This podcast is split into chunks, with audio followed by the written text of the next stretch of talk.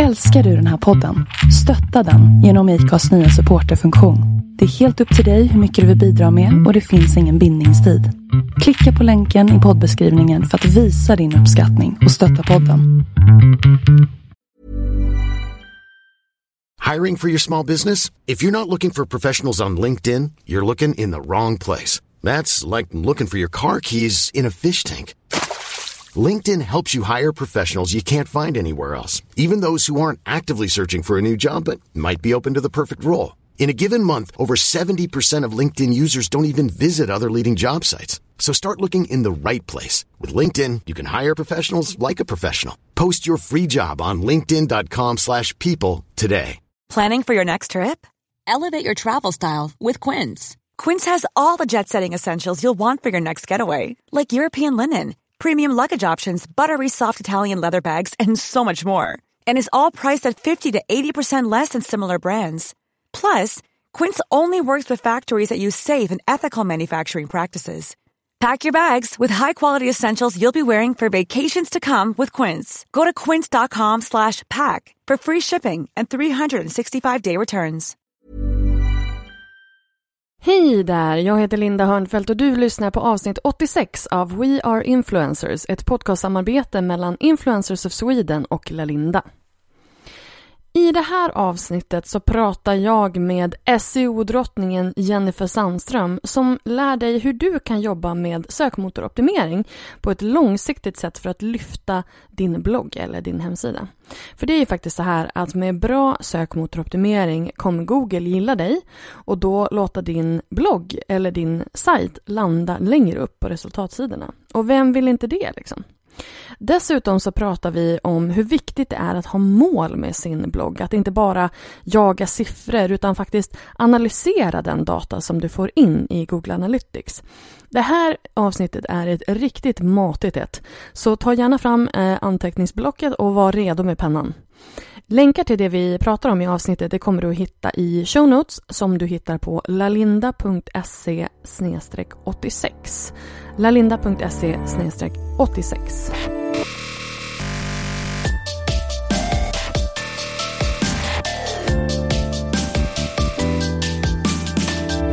Dina sparade höjdpunkter är bland det första som en besökare ser på din Instagram-profil. Därför så vill jag ge dig några tips om hur du bäst kan använda de här höjdpunkterna för att få nya följare. På lalinda.se stories ger jag dig mina fem tips på hur du kan använda dig av de här höjdpunkterna på ett smartare sätt för att fånga upp nya följare och bygga relation till dina existerande följare. I samma inlägg så ger jag dig också en gratis guide till hur du enkelt piffar till dina sparade höjdpunkter. Du har säkert sett dem hos andra, de här fina små ikonerna som man har till varje sparad höjdpunkt istället för att ha en trist stillbild från en video, en stillbild som du inte ens får välja själv. På lalinda.se stories så kan du ladda ner min gratis guide till hur du skapar snyggare höjdpunkter. Gå till lalinda.se stories för att ladda ner den här gratisguiden men också för att läsa inlägget om hur du gör snyggare och smartare höjdpunkter på stories. Hej och välkommen Jennifer Sandström! Hej och tack!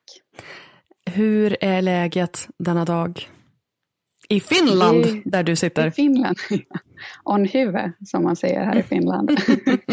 det, det, är fint, tack. Um, kul att få prata med dig så här över Skype. Ja, men det här ska ju bli väldigt intressant. Det här är ett avsnitt som väldigt många har önskat och väldigt många tror jag behöver. Uh, för vi ska ju prata om eh, uh, SEO. Men först ska vi prata lite grann om dig. Kan inte du berätta för the people, vem är du och eh, vad har du för dig på dagarna? Yes, ehm, Jennifer Sandström heter då jag. Eh, jag är 26 år gammal och bor i Finland sedan ja, fyra år. Mm, driver eget företag idag sedan ett par år tillbaka och eh, där jag dels bloggar och dels eh, jobbar med marknadsföring. Um, ja, som frilans eller konsult inom lite olika områden men också mycket då inom sökoptimering. Så ja, mina dagar ser väldigt blandade ut och väldigt mix med, med jobb och olika typer av kunder och eh, verkligen liksom det jag också älskar. Jag älskar att ha olika typer av saker att göra och att få jobba med bloggen som är kanske det roligaste men att också få jobba med andra företag och hjälpa dem med sin eh, marknadsföring och att nå ut till rätt målgrupp på rätt sätt. Vad handlar dina kanaler om? Ehm, ja, de handlar... där är också lite av en mix. Eh, jag, har inte, jag har inte varit bekväm med att eh, så här, supernischa in mig på något utan jag har bestämt mig för att ha några ben som jag försöker följa. Och då är det eh, mycket resor och har varit också en hel del om att bo utomlands då jag har bott i några olika länder, pluggat utomlands, eh, jobbat utomlands och sen till sist då hamnat i, hamnat i Finland. Och även om det påminner mycket om Sverige så kommer det ju med sina utmaningar. Så jag skriver en hel del om det och eh, resor och upptäcka andra kulturer har alltid varit ett stort intresse. Så det, det är också en stor del. Sen, eh, sen jag startade eget företag så är det också något som jag skriver mycket om och vill dela med mig av. Både bra saker men också kanske vara öppen och ärlig om när det inte går lika bra och utmaningar man möter. Ehm, eller till exempel ekonomi och lite sådana grejer som kanske inte andra pratar om lika mycket och som många ändå är intresserade av. Jag försöker också inom det benet få med marknadsföring och eh, då också skriva lite om sökoptimering och sånt som många tycker är värdefullt.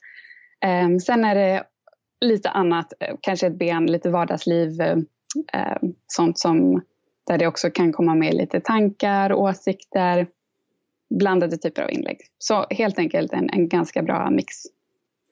Ja, och, men du, skulle du säga att din blogg är din primära kanal? Ja, absolut. Det var ingen snack. Jag bara, ja, ja. Nej. Det är alltså, den som får mest kärlek och den som ger mig mest kärlek tillbaka. För det tycker jag är så kul att höra, för jag känner någonstans att eh, vi har ju liksom, alltså bloggen har ju hamnat väldigt mycket i skymundan eh, sedan, ja men intåget av Instagram främst. Mm. Eh, men också Facebook och YouTube och, och, så. Men jag känner ändå att det är många bloggare som kanske har lämnat bloggen till förmån för eh, Instagram främst. Speciellt mm. de som kanske bloggade som någon form av eh, ja, men en vardagsbloggande och lägger upp liksom, vardagsbilder och sådär. Ja. hur, hur har du känt liksom, att din blogg, när startade du din blogg? Um, den plattformen som jag har idag, jennifersandström.se, har funnits sedan 2012. Sen mm. har jag bloggat sedan 2006, liksom. men då var jag också ganska ung så att det har ju hänt mycket liksom, sen dess. Så du har inte kvar det arkivet? Äh, det, det finns kvar. Inte på den nuvarande bloggen? Nej, precis. Jag har ju mitt arkiv kvar då, på min nuvarande blogg så finns ju mitt arkiv sedan 2005. Och det är ja. liksom, ja, det kan ju gå hur som helst när man går tillbaka dit då och tittar. Ja, gud, det är en helt annan värld. Ja, men det är men, ju verkligen det. Ja. Men jag kan verkligen känna, alltså, känna igen mig i det här du beskriver om så här vardagsbloggandet. För där har mitt eget bloggande också förändrats. Och jag har inte samma behov av att att skriva blogginlägg som ser ut så, liksom det här dagboksupplägget och, och inte heller att läsa själv, alltså konsumera sånt innehåll, utan där känner jag att det kanske har gått mot att bli lite mer kvalitativa eh, typ artiklar som mm. jag själv försöker producera, samtidigt som jag vill blanda upp det med ändå personligt och lättsamt innehåll. Um, så ja, men, uh, men jag, kan, jag kan mm. förstå att man har gått över också till Instagram och, sen, och det tror jag också många läsare har gjort. Att man kanske inte konsumerar sånt innehåll på samma sätt idag. Inte lika ofta i alla fall kanske. Man kanske inte mm. läser bloggar varje dag. Alltså jag vet ju att jag har ju, jag kanske läser bloggar en gång i veckan. Ifall, det inte är, ifall jag tar mig en så här, nu ska jag läsa bloggar kväll eller timme mm. eller sådär. Så gör jag det på en dedikerad tid. Men det är klart att jag läser vissa inlägg om det är så att, att de länkas in från Facebook till exempel eller så. Mm. Um, hur läser du bloggar? Läser du bloggar eller producerar du bara?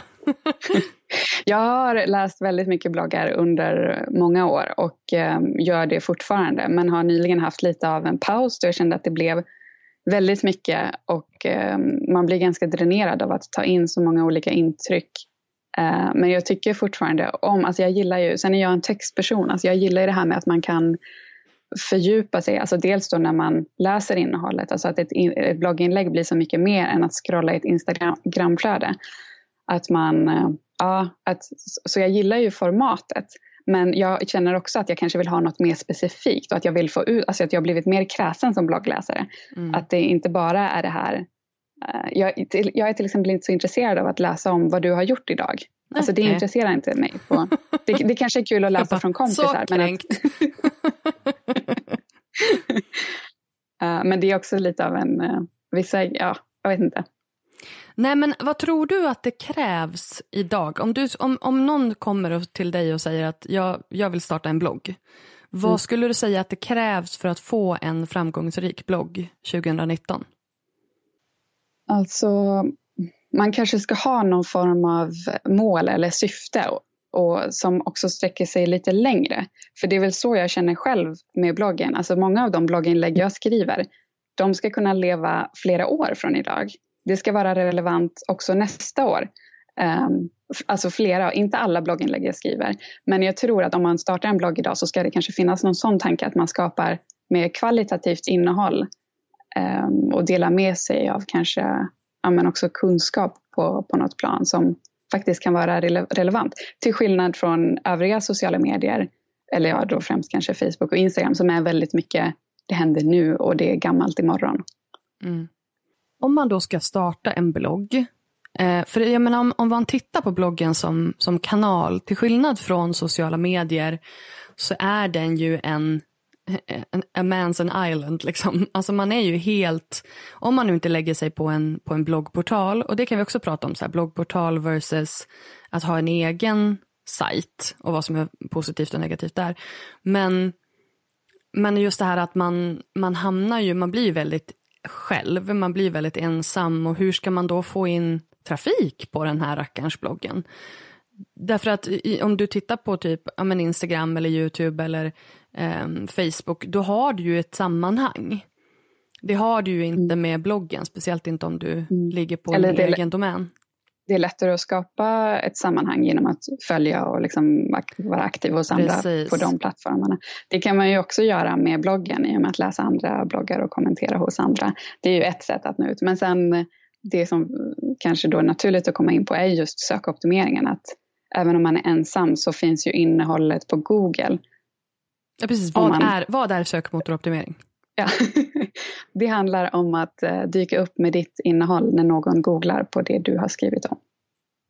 Det var ju en väldigt enkel förklaring. Men om vi ska, vi, vi ska gå in på mer på det, men jag tänker att först och främst det här med att eh, ligga på en bloggportal versus ha en egen domän. Vad är skillnaden? Och vad är liksom positivt och negativt med, med en bloggportal till att börja med? Mm, um, det, det, positiva kan ju vara då att du får ett sammanhang. Eh, du kan bli pushad, liksom, att läsarna kommer in eh, från andras bloggar på samma sajt. Eh, och, du behöver inte sköta något med det tekniska själv, vilket är väldigt skönt, särskilt om man är ny. Ehm, och eh, ja, det, nackdelen är väl att beroende på avtal så kanske inte du som äger ditt innehåll, eh, saker och ting kan ändras, de gör uppdateringar på sajten som kanske inte eh, dina läsare tycker är så trevligt. Och lite så. Um, och sen beror det ju också på ifall man, förlåt, men sen beror det ju också på, på ifall man då bloggar på en ehm, Alltså till exempel blogg.se där man vem som helst kan liksom signa upp sig på en, på en gratis blogg. Och, eh, men då får man ofta, ofta annonser som man inte får någonting betalt för. Eh, och sen som du säger är man ganska begränsad i hur, ja men typ layout och sådana saker. Men om du ja. ligger på Ja, men om man tittar på de som ligger på olika tidningar till exempel eller om man mm. ligger hos eh, Metromode eller L eller var man nu ligger någonstans. Då har man ju ofta ett kontrakt med den sajten vilket betyder att man får betalt för att man bloggar där. Så det är Precis. också en liten olika så. Ja, och om det är så att man får betalt då kan ju det vara en ganska stor fördel som väger upp. Precis. Eh, men om man väljer en portal eh, där vem som helst kan signa upp bara för att det är ett enkelt alternativ så tycker jag att man ska vara noggrann med att kolla just sådana grejer om det finns reklam och om vem är det som äger innehållet och kan du exportera det? Om du börjar producera kvalit kvalitativa artiklar kan du sen och om du senare vill starta upp din egen sajt kan du då flytta över dem? Hur enkelt är det? Eh, följer bilderna med? Vad händer med... För där finns det portaler som inte är jätte, som jag inte alls skulle rekommendera. Vågar du, Vågar, vågar du namedroppa? ja, men till exempel no.com. Ja, now, N-O-U-W. Precis, ja. Den, eh, det är ett helvete att flytta därifrån. Så har man registrerat sig där och Tell me how you man... really feel. om man tror att man ändå vill, skulle vilja ha en egen plattform eller på något sätt eh, spara sitt material på, på en egen sajt så skulle jag inte rekommendera, då skulle jag rekommendera att flytta därifrån liksom snarast. alltså tyvärr. Eh, men det är också, också att det känns som att det är en plattform ja. som är lite mer som Instagram. Eh, mm. Och inte att kanske handla om att producera bra innehåll som Nej, ska vara i flera år. Väldigt många som kanske ja, men som skapar mer ja, men vad man skulle kalla för lifestyle-bloggare. Vilket ja. är typ som Instagram fast i bloggform. Ja. Men vad är då, varför ska man då ha en egen domän, alltså en egen sajt som du säger? Mm. Då har man ju, om man har en egen, egen domän så har man ju full kontroll över sin plattform och kan bestämma helt och hållet vad som ska finnas på den. Ehm, och det är också något som man då kan bygga upp under en längre tid om om, till exempel om vi ska komma in på sökoptimering. Alltså att, men där kan man ju också bygga upp sitt domännamn. Eh, om man har en bloggportal så kanske man ändå har sitt eget namn, jennifersandström.se. Så kan man också bygga upp liksom, att det blir en, en, starkare domän som kan få mer trafik från, från Google. Men det kan vara, det kan också vara, vissa plattformar kanske inte är lika bra anpassade för sökoptimering. Så då kan man också, om du har din egna plattform så kan du ju se till att den är Eh, liksom följer alla regler och lagar som bör följas för att kunna ranka så bra som möjligt. Så att, eh, men där beror det igen på vilken plattform man ligger på. För att om du bloggar på L, då kan det vara så. Det är en så pass stark plattform så då kan du å andra sidan ranka med ditt innehåll för att du får mycket på grund av att det är en så, så stark domän, liksom l.se. Vad är det som avgör om man har en stark ranking, alltså stark domän eller inte? Mm, det är flera faktorer. Alltså dels kolla Google på tekniskt hur sajten liksom presterar. Eh, och då finns det flera olika grejer, till exempel så klassiker, hur, den, eh, hur snabbt den laddar, om den är mobilanpassad. Um, och ja, sen är det lite mer så tekniska detaljer som den också kollar på. Uh, som man kan, och man kan använda verktyg för att skanna en sajt för att se att man, man följer liksom dem. Uh, men det är också, så kollar den på liksom, vad, att du uppdaterar regelbundet och det är därför bloggar har liksom en fördel. För att det är sajter som uppdateras frekvent, frekvent med nytt innehåll och det är också något som, som Google gillar. Och eh, det kanske svåraste är att sökoptimering tar tid. Alltså att bygga upp en stark sajt, det är något som behövs göras under en längre tid. För det handlar mycket om att skapa ett förtroende mot Google och det är något som tar tid att få. Eh, och eh, också sånt som påverkas av länkar som kommer in från andra sajter till en sajt. Ehm, och sker liksom, ja, så här, organiskt under tiden. Att det är någon annan bloggare som tipsar om en och ja, eh, lite sånt. Och sen visst, det finns väl kanske sätt att, att snabba upp det och man kan till exempel eh, gästblogga hos andra eller på annat sätt försöka skapa liksom att det kommer in länkar till ens egna blogg eh, som då också kan påskynda den processen. Men eh, generellt så tar det tid. Men där igen har man då en fördel som bloggare, om man kanske har bloggat redan i några år, det är att man har redan ofta en ganska stark sajt naturligt. Men om man då är ny så ska man kanske ha det i åtanke att det tar lite tid att, att bygga upp, att du kommer inte eh, du, det kommer vara svårt att ranka med ditt innehåll från dag ett. Men hur, om man då, ska, om man då vill ha en egen blogg på en egen domän, hur, mm. hur funkar det? Är det krångligt? Om man vill ha en sån? Ehm, det finns antingen, jag tycker att man kan anlita och ta hjälp av någon eller så kan man försöka läsa på själv. Ehm, jag har alltid haft min bror som har hjälpt mig med det tekniska för att jag, eh, eller, och det är ganska svårt med liksom så här webbhotell och eh, Eh, bloggdesign och det finns också många färdiga teman man kan köpa och det kan man komma ganska långt med. Men just för att sätta upp det från scratch, antingen så kan man då googla och läsa på eller också ta hjälp. Och jag har skrivit lite om det här på min blogg, just om förklarat lite om vad är ett webbhotell och eh, hur ska man tänka när man skaffar ett webbhotell. Och eh, ja, också så när man står och väljer mellan webbhotell och en annan portal. Men det, det, det man behöver där är då ett webbhotell där man liksom ska placera innehållet. Och då är det man oftast använder som typ, vad ska man säga, installation, alltså verktyget, det vanligaste där är Wordpress. Ja, det är ju inte uh, webbhotellet. Nej, men det, insta det, det, installerar man på webbhotellet. Liksom. Ja, precis. Så man måste göra den, den kopplingen mm. uh, för att kunna skriva sitt, sitt egna ja, Wordpress. Och så sen vill man ju ha en domän. Ja. Mm. Så domän, webbhotell och wordpress.org, vilket då är liksom en installation. Men väldigt många webbhotell har ju så att man kan installera Wordpress med typ ett klick. Ja, det, brukar, det ska kunna vara ganska enkelt. Ja, och sen så eh, brukar det finnas, det finns en hel drös standardteman och gratisteman. Men vill man ha någonting som är lite mera specifikt eller sådär så kan man också köpa en massa teman, bland annat på Theme Forest. Där jag har nog köpt de flesta av mina teman. Så det är lite mer krux, men totally worth it. Jag har ju aldrig legat på en bloggportal. Har du legat på en bloggportal? För jag har ju haft egen domän sedan 2001, 2002. Nej, jag har legat på massa olika, eh, blogg.se, Blogspot, uh, Finest, som dog nu när GDPR kom in i bilden. Också Oops. legat på, vad heter den, Spotlife. Ja, mm, det fanns en som hette ja. Spotlife, den som uh, mm. Isabella Löwengrip startade en gång i tiden. Precis, så mm. jag har testat uh, in, ja, det mesta. Du har testat det mesta, men du landade ändå att, i att du skulle ha en egen? Ja. Och vad var liksom, vad var det som så här, petade över dig? För att någonstans så, som du säger, så är det ju enklare att låta någon annan sköta det. Ja, och kunna så här, styra över designen själv, det kanske var det främsta.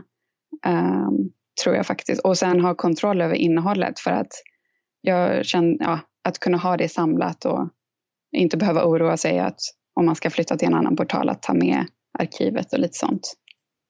Men så SEO handlar helt enkelt om att få in mer folk från Google. Att man liksom får in, för att om du tittar på din eh, bloggstatistik, jag skulle säga att ungefär, ja det är åtminstone 30-40 procent om inte mer av min bloggtrafik som kommer direkt från Google. Hur mycket mm. är, det, är det för dig på ett ungefär? Ja det, det är nog ännu mer. Mm. Alltså totalt är det kanske, jag vet faktiskt inte, kan det vara 80 procent? Oj, det är ju svinmycket. Men det jag mm. tänker på då, det är så här, absolut att det kommer in mycket från Google och det är jättebra. Men mm. hur gör man om dem till liksom lojala läsare? Alltså, det kan man ju absolut göra, men jag skulle också säga att man måste inte göra det. Alltså man kan ju också skapa innehåll som eh, kan vara relevant. Alltså till exempel reseguider som jag skriver. Mm. Jag vet att om jag publicerar en reseguide idag så kommer den kunna ranka och få trafik på Google. Mm. Det, ja, det är liksom, så, och då, då kan jag använda det eh, till exempel i att eh, sälja in samarbeten eller jobba med affiliate och liksom um, skapa också ett, ett, sätt att jobba med bloggen på det sättet. Uh, och jag vet också att de som hittar min reseguide om Milano, de kommer inte vara intresserade av en reseguide om Paris eller de vill inte följa min blogg och läsa om andra resor. Nej. Alltså lite så. Sen om man nu om man tycker att det känns jättetråkigt att bara få in sådana här besökare som skiter i vem jag är. Mm. Eh, jag så tycker kan det är lite ju, tråkigt. ja, så finns det också beroende på vad man skriver om. Till exempel mina inlägg om, ha ett par så här, så här börjar du blogga och liksom, så här marknadsför du din blogg. Mm. Det är ju personer som är intresserade av att ja, men det här vill ju jag veta mer om. Mm. Eh, de vill ju läsa fler inlägg eh, på min blogg som jag har skrivit om det och, och, kanske också bli lite intresserade eh, och så här, ja, men vem är den här tjejen? Hur, hon, liksom, hur jobbar hon med sin blogg? Um, och där, om jag var smart skulle jag också kunna eh, starta alltså så här, en mejllista och samla in så här, vill du lära dig mer om det här? Um, så, om du var smart, är du inte det? Eller smart. om jag var tillräckligt nischad, där har jag känt att ja, fast jag vill inte jobba med ett nyhetsbrev som bara handlar om, om det här. Alltså, mm. Jag har inte men det, det, det, är ju ett sätt som är möjligt att jobba med och det funkar ju särskilt bra om man har en väldigt nischad blogg. Eh, då ja. är det lättare att konvertera de här besökarna till återkommande läsare eller följare eh, eller vad det nu kan vara. För det jag känner någonstans och det jag har börjat känna väldigt mycket bara det senaste året, det är så här, what's the point? Alltså vad är ditt slutmål? För att i slutändan tänker jag. Om man inte bara vill ha sin blogg eller sina sociala kanaler som en hobby så måste man ju tjäna pengar någonstans i slutändan. Mm. Och det är så här, hur konverterar du din bloggtrafik i, till, um, till konvertering, alltså till, till pengar, till sälj i slutändan. Och som du säger att absolut att man kan använda sin bloggtrafik då för att sälja in samarbeten. Eh, alltså att sälja in att, att man har reklam på sin blogg, antingen om man då har banners eller om man gör olika samarbeten av olika slag. Men jag tror att den där tanken är sjukt viktig att ha med sig så att man inte bara jagar siffror av ingen anledning utan att man har liksom ett endgame på något vis. Och sen behöver man inte ha det klart för sig såklart från början utan man kan ju försöka liksom få kanaler att växa för att sen liksom komma fram till vad man vill göra med liksom den här banken av eh, värde som man har skapat. Mm. Men ändå att man liksom inte bara jagar siffrorna utan att ha satt upp ett mål därför att då kan det ju bli en ändlös katt och råtta-lek. Liksom. Och det blir jättetröttsamt. Ja absolut, för det finns ju, och det är också så här, vad ska man med alla följare på Instagram till heller? Alltså varför måste man hela tiden öka? Det finns ju inte heller någon poäng utan det är kanske viktigare att ha ett annat mål. Okej, okay, men varför ska du blogga? Vad vill du göra? Det kanske är att du startar upp ett företag och du vill kunna göra det här och det här. Okej, okay, men då kanske ditt mål ska vara att nå ut till intressanta personer som också kan vara potentiella kunder. Så du kanske aldrig kommer ha reklam på din blogg, men folk som googlar kommer hitta dig och de kommer vilja anställa dig. Eller som jag också gillar att ta upp, det är att eh, eh journalister kan också googla. Det kan vara folk som vill intervjua dig eller på annat sätt uppmärksamma dig som kan vara positivt för ditt företag eller vad du nu pysslar med. Precis, alltså att det är någon form av varumärkesbygge. Men det är väl, det, det är väl bara där jag vill så att man ska så här, någonstans ha en tanke på vad vad syftet är. Så att man inte bara fastnar i att jag vill ha mer, jag vill ha mer, jag vill ha mer och så liksom blir det bara, ja men det blir ju bara destruktivt till slut att man bara jagar, ja. jagar mer fast man inte riktigt vet vad man, man vet inte när man är nöjd. Man vet inte när man har kommit Nej, till man mål. Man blir aldrig nöjd. Nej, det, och det är det som är problemet. Att om du har satt ett mål, då kan du åtminstone landa någonstans i att du har nått målet och sen kanske sätta ett nytt mål. Men det måste ju också finnas det måste finnas något slut, eller inte något slut, men det måste finnas... Det ett måste, syfte. Ja, ett syfte och ett, ett lugn någonstans. ja. Jag blir liksom så stressad när folk bara säger jag vill ha mer, jag vill ha mer. Man bara, ja men alltså när ska du, när ska du bara liksom sätta det och, och känna att ja men det här gick ju bra. Ja, så. men det är lite vårt samhälle i ett nötskal kanske.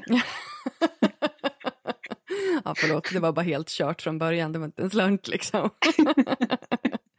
Okej, okay, men hur fungerar eh, SEO? Take me through it. Vad är, det som, vad är bra SEO? Vad, vad avgör om, jag säger att du ska skriva ett, eh, ett blogginlägg eller du ska göra en sajt. Alltså hur sökmotoranpassar man ett, en, en blogg? Ja, det känns som att det är en stor fråga du ställer ja, här. Ja, men alltså jag tänker att du får break it down. Ja, det är ju som sagt det är flera faktorer som eh, Google kollar på. Men eh, jag brukar säga att vad det egentligen handlar om det är ju att det ska vara användarvänligt. Alltså det finns någon som googlar på någonting och om ditt innehåll är relevant för den googlingen då, då vill ju Google visa det. Men ditt jobb är att underlätta för Google att dels förstå eh, vad, vad liksom din sajt handlar om och vad det, specifika inlägget eller undersidan handlar om. Och då finns det lite olika sätt. Alltså du måste ha skrivit i titeln vad det, vad det handlar om. Eh, du måste ha Alltså du måste ju, när, när, man skriver om något naturligt så blir det att man nämner olika typer av, som man pratar då i sökoptimering om, nyckelord, sökord, sökfraser. Eh, man använder synonymer till dem och kanske flera gånger i texten. Och liksom, ja, lite, lite så olika grejer. Men eh, ja, det är egentligen Google läser innehållet på din sajt och försöker förstå vad det handlar om för att det sen ska kunna visa det till folk som gör sökningar. Och med tanke på att det finns så mycket innehåll idag så blir ju liksom, Google kan ju bli mer kräsen och välja att visa det absolut bästa innehållet. Mm. Och, och, därför är det också viktigt att då ha en stark sajt. För att om Google redan litar på dig från början, om du har producerat annat material tidigare som eh, besökare verkar gilla och sådär, då, då blir det lättare för Google att välja liksom, att visa upp din sajt.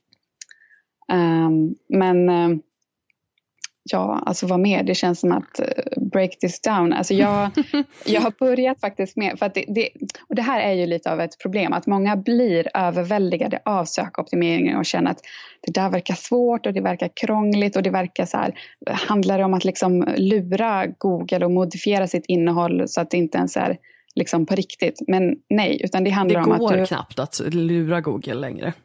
Google Nej, och det handlar om att du, du skapar kvalitativt material helt enkelt. Och där är också en sån sak som jag brukar förklara att eh, varför, alltså man säger att Google gillar text så att läng, ju längre innehåll desto bättre. Men det är också för att om jag eh, söker på till exempel en reseguide till Paris då vill ju jag gärna ha mycket information. Så att om jag kommer in på ett blogginlägg med fem bilder och där det står de här tre sakerna kan du göra i Paris. Precis, Eiffeltornet är kul. Ja, ja, då tycker inte jag som besökare att det är av värde. Nej. Och då kommer jag välja någon annans eh, innehåll. Så att eh, jag tycker att när man skapar liksom sitt innehåll och funderar på okej, okay, vad står det egentligen när man kommer in på, på din sajt? Vad står det på startsidan? Hur beskriver du dig själv? Och, liksom, och sen när man kommer in på ett in, inlägg, vad står det egentligen här? Att ha läsaren i åtanke. Om man kommer in helt utifrån, är det logiskt vad det handlar om? Om jag har Först googlat fattar man vad det handlar om. Ja, precis, förstår man. Och eh, om man då har läst eh, ett, alltså, ja, har man läst ett inlägg då kanske man vill ha mer. Så det är också så här, länka vidare till annat relevant innehåll på din sajt. Och, eh, det, det, jag brukar också prata om att, eller man delar ju som upp det. Du ska ju dels se till att din blogg som helhet då är sökoptimerad. Men sen också de specifika inläggen och undersidorna. Men eh, som helhet så kan det ju vara att om man kanske söker på eh, jag vill att om man söker på svensk utomlands eller reseblogg eller svensk i Finland, då kanske jag vill dyka upp. Men då krävs det ju att det också finns det på, på startsidan. Eh, om någon har googlat på det och kommer till min sajt, då kanske man vill läsa, läsa mer. Ja, men vem är jag? Och, så att just att då måste man ju ha en om mig-sida och liksom kanske kontaktuppgifter och lite så här. Så att man presenterar någon typ av relevans för besökare. Ready to pop the question? The jewelers at BlueNile.com have got sparkle down to a science with beautiful lab-grown diamonds worthy of your most brilliant moments. Their lab-grown diamonds are independently graded and guaranteed identical to natural diamonds, and they're ready to ship to your door. Go to Bluenile.com and use promo code LISTEN to get $50 off your purchase of $500 or more. That's code LISTEN at Bluenile.com for $50 off. Bluenile.com code LISTEN. Hiring for your small business? If you're not looking for professionals on LinkedIn, you're looking in the wrong place. That's like looking for your car keys in a fish tank. LinkedIn helps you hire professionals you can't find anywhere else, even those who aren't actively searching for a new job but might be open to the perfect role. In a given month, over 70% of LinkedIn users don't even visit other leading job sites. So start looking in the right place. With LinkedIn, you can hire professionals like a professional. Post your free job on linkedin.com slash people today. There's never been a faster or easier way to start your weight loss journey than with PlushCare. PlushCare accepts most insurance plans and gives you online access to board-certified physicians who can prescribe FDA-approved weight loss medications like Wigovi and Zepbound for those who qualify. Take charge of your health and speak with a board certified physician about a weight loss plan that's right for you. Get started today at plushcare.com slash weight loss. That's plushcare.com slash weight loss. Plushcare.com slash weight loss. Okay. Och jag tycker att det är liksom, det här är så här, för på min blogg så har jag också att jag har ju fyra stycken eh, små lådor högst upp eller vad man ska säga. Um, där det står liksom att man kan anlita mig och så sen står det uh, Höga Kusten, där jag ju då bor. Och så sen så är det om um, uh, influencersnack, tror jag den heter. Eller liksom, ja, och det är lite företagande och om hur man jobbar som influencer. Och så sen är det um, plus size uh, outfits. Någon slags mm. outfit-grej där. Och då får man ändå en ganska, ganska snabbt så får man en bild av vem jag är, vad min vad mina ämnen är, det är liksom lite grann mitt budskap, min nisch. Så. Och det är ju både då för Google, men det är ju främst för användaren. Och i och med att det blir för användaren så blir det också för Google. Det här är lite grann samma sak som jag för några avsnitt sedan pratade om Instagram-algoritmen.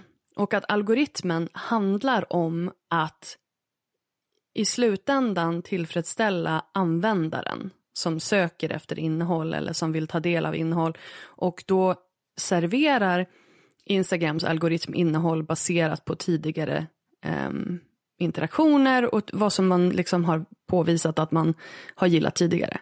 Och det här är ju lite grann samma sak som Google. Om du söker på någonting, då är ju Googles, alltså Googles algoritm jobb att hitta det innehållet som är bäst för den som söker.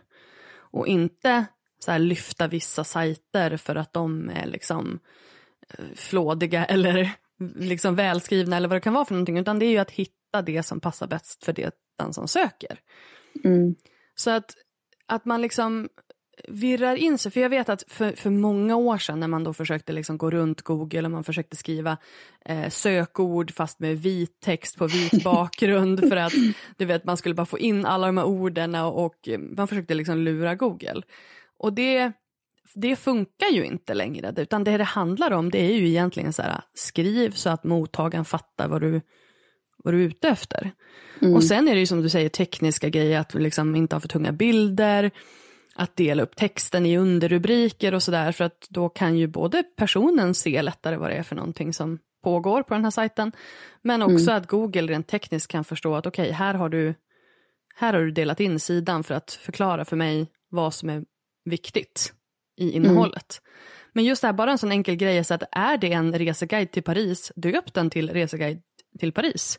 Inte, mm. för, inte till liksom så här, mysiga kaféer och eh, härliga, liksom, sites, härlig sightseeing i Paris, utan skriv mm. reseguide till Paris. Alltså, eller något så här fancy franskt citat. Exakt, exakt. Det är ingen som söker på det. Skriv som folk söker.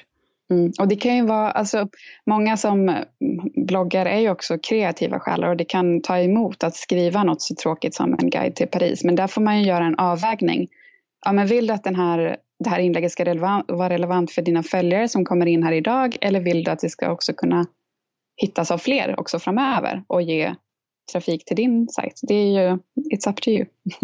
jo men lite så. Och där är det ju också så här att du, all, alla inlägg man skriver behöver ju inte vara, alltså jag, har, jag, jag gjorde ett um, YouTube-klipp för ett par år sedan uh, om just så här, så blir du kompis med Google och dig själv. ja. Därför att uh, det handlar ju om att det jag, det jag menar är, och det här är också lite grann det jag pratar om i min kurs Social Brand Lab om relationsresan, alltså no like and trust, alltså vart någonstans man befinner sig i relationsresan till den här personen som man, vars innehåll man tar del av.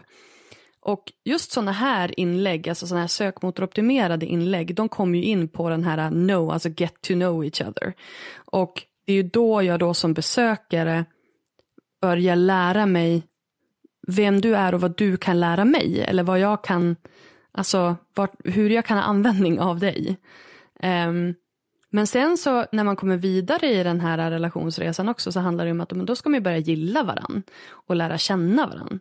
Och då vill jag ju mm. kanske veta vad du har gjort idag. Även om du Jennifer inte är så jävla intresserad av vad jag har gjort idag så kanske jag är intresserad av vad du har gjort idag för jag är lite mer trevlig människa.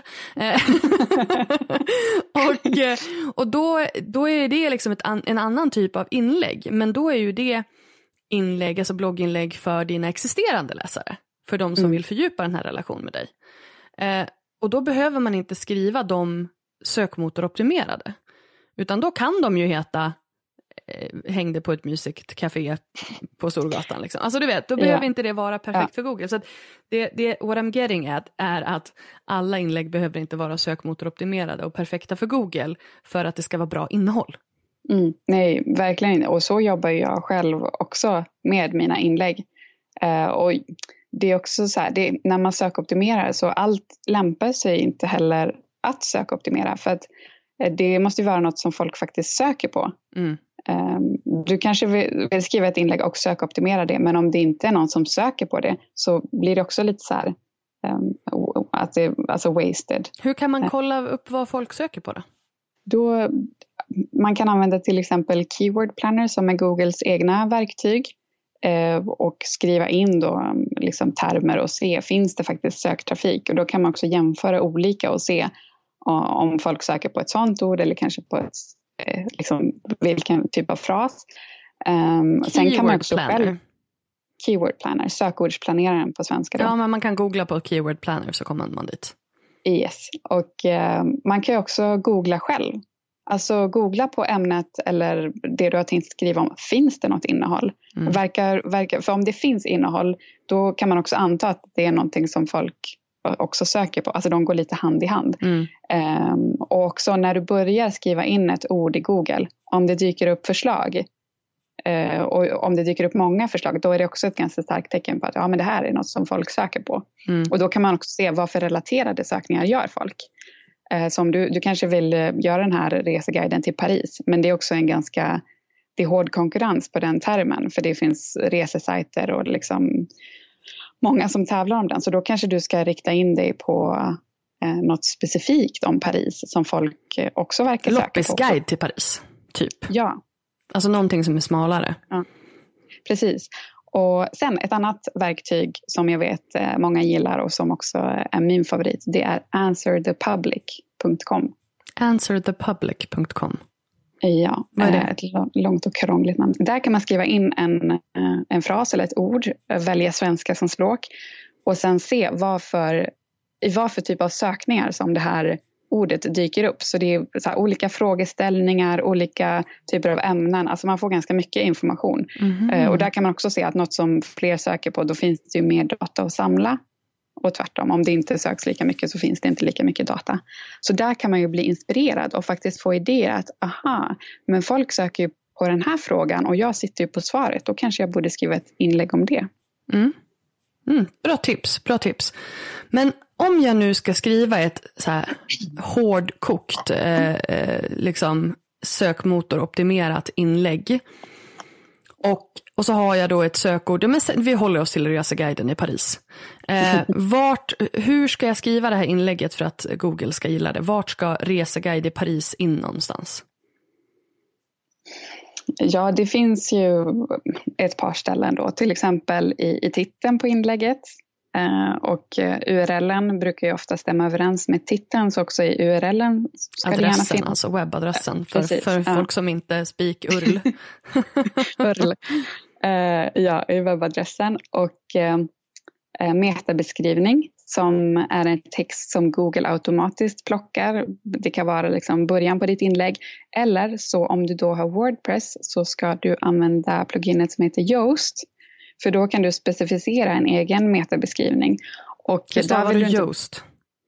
Hur jag stavar Yoast? Mm. Ja men alltså det är ett ord som är... Y-O-A... Nej, inte U. I-O-A-S-T. S-T. Ja. Som gäst fast just. Just det. och det, det, är ett jättebra verktyg. Alltså, um, så det, det, det, är egentligen ett måste. För där kan man då specificera den här metabeskrivningen. Och förutom att ta med att det är då en guide till Paris. Eller Google är också så smart så att Google fattar om man skriver liksom guide till Paris eller eh, Paris-guide. Alltså kan vara i olika former, det behöver inte vara exakt liksom, en guide till Paris i den ordningen. Precis. Och, um, men den här metabeskrivningen är också din chans att liksom sälja in inlägget. Så, för det är det man ser i Googles sökresultat. Det är alltså den här lilla utdraget, alltså den lite längre texten under titeln och under webbadressen som syns.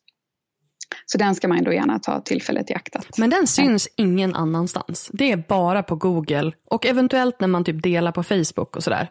Så dyker den ja. metabeskrivningen upp. Därför att det här tror jag kan förvirra väldigt många. Att så här, men vart, vart är den? Vart syns den? Varför har jag den? Vad fyller den för syfte? Men det är ju det, om man inte skriver in den så kommer den ju dra typ den första meningen i inlägget och den kanske inte alltid ja. är så säljig. Nej, och Google kan också välja att ta andra en, en helt annan rad om, om Google känner för det.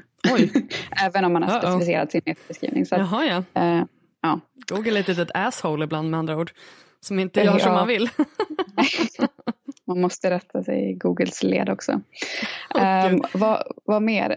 Sen så, alltså det brukar vara bra att nämna det i början på inlägget. Det brukar vara bra att ha med det i en underrubrik.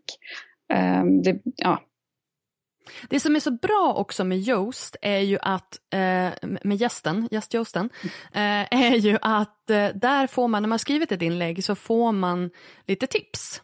Så här, Ja. Det här är vad som är bra med det här inlägget och här kan du förbättra. Och då, ska, då vill man ju ha liksom en grön prick. Man kan få en grön, en orange eller en röd prick. Får man en röd prick då är man dåligt ute. För då kan man också bara stänga av ifall man inte bara vill söka mot- motoroptimera. Då kan man bara skita i det.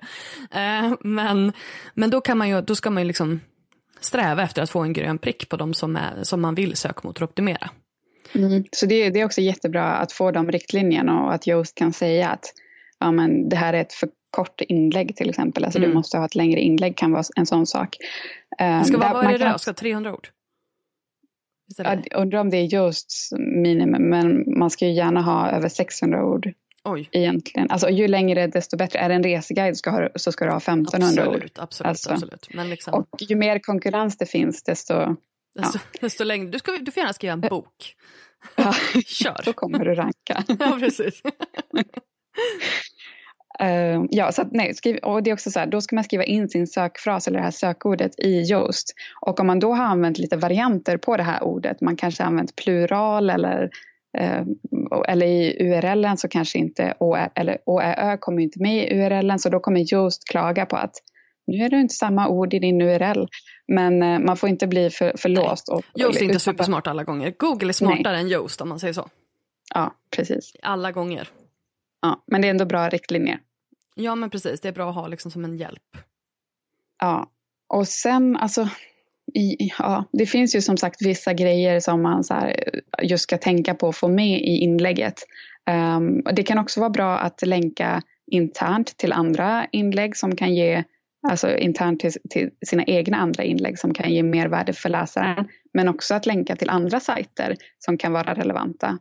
Um, för det, också, det visar också till Google att ja, men jag, jag rekommenderar annat innehåll som, som, som kan vara bra för läsaren. Och Mm. för det, det enda Google vill det är att det ska vara bra för läsaren. Liksom. Precis, att det ska vara relevant. Ja. Den, det, det är jättebra. Och just det här också att inte vara rädd för att länka. För att liksom, man kommer ju inte att tappa läsaren utan man kommer ju bara att ge mer värde till läsaren. Vilket betyder att om du ger värde till läsaren så kommer den att hänga kvar hos dig. Eh, för att den, den blir glad för att du faktiskt gav någon, någonting vettigt. Men också det här att det som jag tror att många missar, det är ju just det här, okej, men vad, nu har du fått in en läsare från Google på din sajt. De har läst hela ditt inlägg, vad ska de göra nu? Mm, precis, call to action. Ska man, brukar man egentligen säga att varje sida ska ha. Alltså vad vill du att läsaren ska göra? Och det kan ju vara lite olika saker. Alltså lojala läsare, då kanske man vill att folk ska kommentera. Eh, men om det är just någon från, från Google, då kan det ju antingen vara att man ska signa upp på en mejllista om man har en sån. Ehm, eller att man eh, kanske ska läsa ett annat inlägg där man ger mer information. Eller att man ska följa din Facebook-sida för att få mer liksom, sån här liknande uppdateringar i framtiden.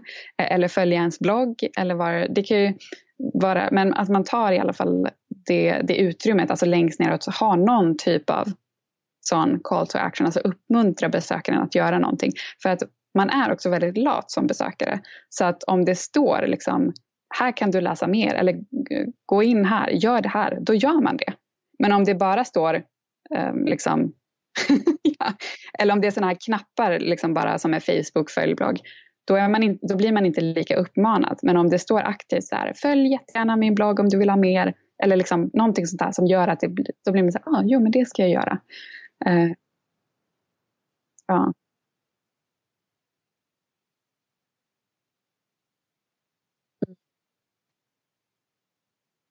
Eller till exempel om det är något där du vill ha in kunder, då kan det ju vara en sån sak att har du frågor, kontakta mig eller liksom så här, hör av dig och så att man har sin mailadress eller länka till kontaktsida eller någonting som också gör att ger en påminnelse till läsaren att ja men just det, jag har ju faktiskt en fråga. Då ska jag, för det har jag på vissa inlägg som just drar in, eh, alltså just de här kanske hur man marknadsför sin blogg eller hur man startar sin blogg. Då får jag en del mejl att eh, och, och det hade jag nog inte fått till samma utsträckning om jag inte hade haft den längst ner där jag uppmanar folk att faktiskt ta kontakt. Mm. Men det här har jag också. Jag har ju eh, vad, vad, jag kallar för content upgrades eller lead magnets. Alltså eh, en, en eh, nedladdningsbar eh, guide kan man säga. Till exempel hur man tar betalt för samarbeten. Och eh, den guiden eh, får man då ifall man eh, signar upp sig för mitt, eh, min mailinglista. Eller man kan liksom, man kan, ja, man, man får ange sin, sin, sitt namn och sin mailadress och så får man den på mailen. Och det är ju då efter att jag har skrivit ett blogginlägg fast du, då kan du liksom få mer information om du eh, laddar ner den här, den här guiden. Um, mm. Och då kan man välja att bara ladda ner guiden på grund av GDPR. eh, eller så kan man välja att man får då eh, signa upp sig på min mailinglista. Och jag menar, där droppar det ju in folk varje dag. Och de kommer ju via Google mm. oftast. Ja, det är ett jättesmart sätt som du har liksom lyckats förvalta det här på. Istället för att kasta bort all Google-trafik så har ju du hittat ett smart sätt för att faktiskt konvertera dem till något värdefullt. Ja, och det är ju liksom en strategi. Men nu, har, nu är det ju också så att jag har ju någonting att sälja i slutändan. Numera har jag ju det. Inte just nu, men jag har ju liksom min onlineutbildning, Social Brand Lab, som jag ändå um, kommer att öppna igen senare i vår. Så att jag har ju liksom en, en tjänst, en produkt. Men det där är ju också så här, även om man inte har det, de enda två eh, kanalerna som du har komplett kontroll över, det är din blogg och din eh, mailinglista. Och det här är liksom, om du inte om du, är, om du är rädd för att bli slav under algoritmen så eh, behöver du använda dig av de här två kanalerna för att kunna liksom förvalta dina läsare och dina besökare och faktiskt förhoppningsvis senare down the line konvertera dem till kunder på ett eller annat sätt. Men hur vet man då vilken typ av innehåll som man bör pusha? Liksom? Vad, vad, hur vet man så här, nu har jag skrivit det här inlägget det, och, och vad ska jag göra härnäst? Mm. Jag tycker alltså lika viktigt det är som att optimera sina inlägg och kolla lite på hur man ska liksom söka optimera dem. Så lika viktigt är det ju att faktiskt analysera. Alltså hur går det? Vad händer med? Du kanske redan har en, redan innan du börjar sökoptimera så kanske du har en massa Google-trafik som, som du inte riktigt vet så här, vilka inlägg kommer de in på och varför gör de det. Uh, så, så där tycker jag att man ska ta och kika lite i Google Analytics och um, kolla då framförallt på uh, liksom kolla på källan och den trafiken. Och det här kan man googla sig till om man är osäker på hur man gör. Um, liksom, har du någon liten de... analytics-guide också kanske? På den jag där? tror att jag har något inlägg den om det också. Ja, jag, tror jag, jag har ett inlägg just om hur man så optimerar gamla redan, alltså gamla inlägg som man har på bloggen. Så då mm. nämner jag också lite om Analytics. Mm. Och mm. Det, Finns det show notes? Yes.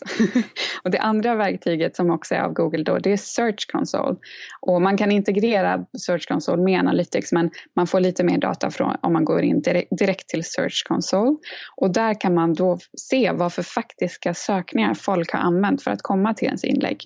Så det kan ju vara så att jag publicerar min eh, reseguide till Paris och sen ser jag efter två månader att den börjar få lite trafik och jag tänker, åh grymt, äntligen liksom. Men så går jag in i Search Console och då ser jag kanske att det är någon som har sökt på ett specifikt hotellnamn och landat på mitt blogginlägg. För det kanske bara är jag som, alltså att det kan vara ett nytt hotell och det finns inte så mycket innehåll på internet om det här hotellet. Så att då hamnar man på mitt inlägg för att, för att jag har nämnt det i inlägget. Och då är det ju egentligen inte min reseguide som, ehm, som presterar bra utan det är något annat. Och, och det är väldigt värdefull information. För då vet jag också att ja, men folk som kommer in på mitt inlägg, de vill ha info om det här hotellet och inte om det andra.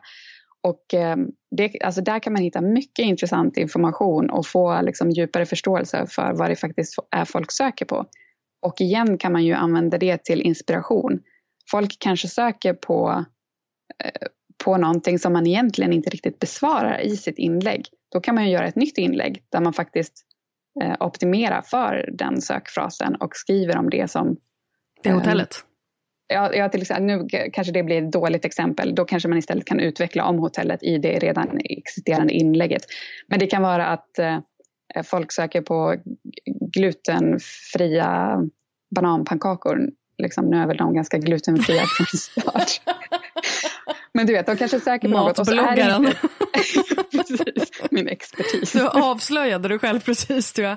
jag bara, titta inte på mig, jag kan ingenting om mat, jag har ingen aning. Nej, det var ett dåligt exempel. Men äh, folk kanske söker på så strategi till Facebook och så kommer de på ditt eh, blogginlägg som handlar om strategi till Instagram. Ja. För att du har nämnt Facebook i det, i det, in, mm. i det inlägget. Och så kanske inte finns så mycket annat innehåll på Google och, och ditt inlägg liksom kanske redan är populärt. Så då, och då kan det ju vara ett tecken för dig att aha, jag borde ju skriva ett inlägg om hur man gör en strategi för Facebook. Mm. Och liksom länka till från det här inlägget som redan får trafik. Ja. Men ja, jag tycker att det är ett superbra tips, Jennifer. Ja, bra. är du på väg in i Search Console nu och kika på din Nej, trafik? Nej, alltså jag har försökt installera The Search Console and I want to kill it. Men uh, har du något inlägg om det? um, jag tror att jag nämner någonstans, kanske länkar till någon lite sån här... Jag tror att vi... Finns det inte på Inos hemsida? Jo. Eh, ja. Inlägg om eh, Search Console finns på Influencers of Sweden. Vi länkar det från show notes också. Så att eh, får ni liksom allting samlat på en och samma plats. Men hörru du Jennifer, jag tror att vi ska börja avrunda här. Men först vill jag ju ha dina tre bästa tips. Hur får man en framgångsrik blogg? För, förutom att jobba med sökoptimering. Ja.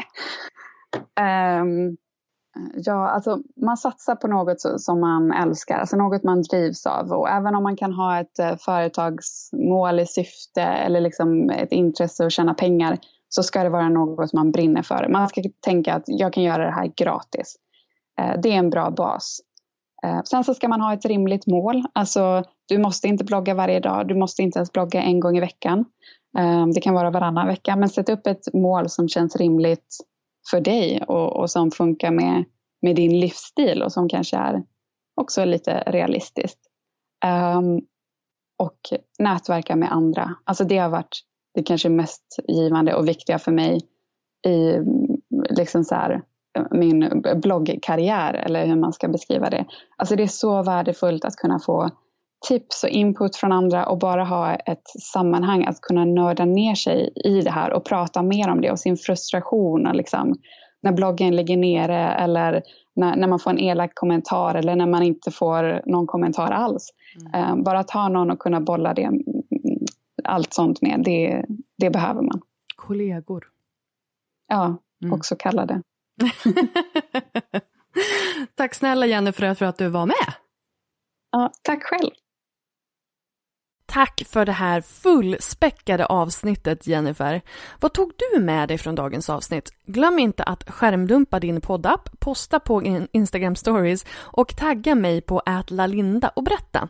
Fick du något aha moment av det här avsnittet? Kommer du att faktiskt börja jobba lite mer med SEO efter att ha lyssnat på mig och Jennifer? Jag hoppas det. Länkarna till det vi pratade om i avsnittet hittar du i show notes på lalinda.se 86.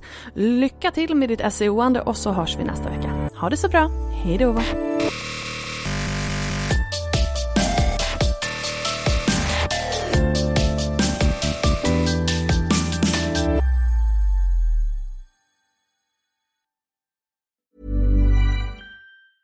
Hi, I'm Daniel, founder of Pretty Litter. Did you know cats tend to hide symptoms of sickness and pain? I learned this the hard way after losing my cat, Gingy. So I created Pretty Litter, a health monitoring litter that helps detect early signs of illness by changing colors, saving you money and potentially your cat's life. Pretty Litter is veterinarian developed, and it's the easiest way to keep tabs on your fur baby's health right at home. Go to prettylitter.com and use code ACAST for 20% off your first order and a free cat toy. Terms and conditions apply. See site for details.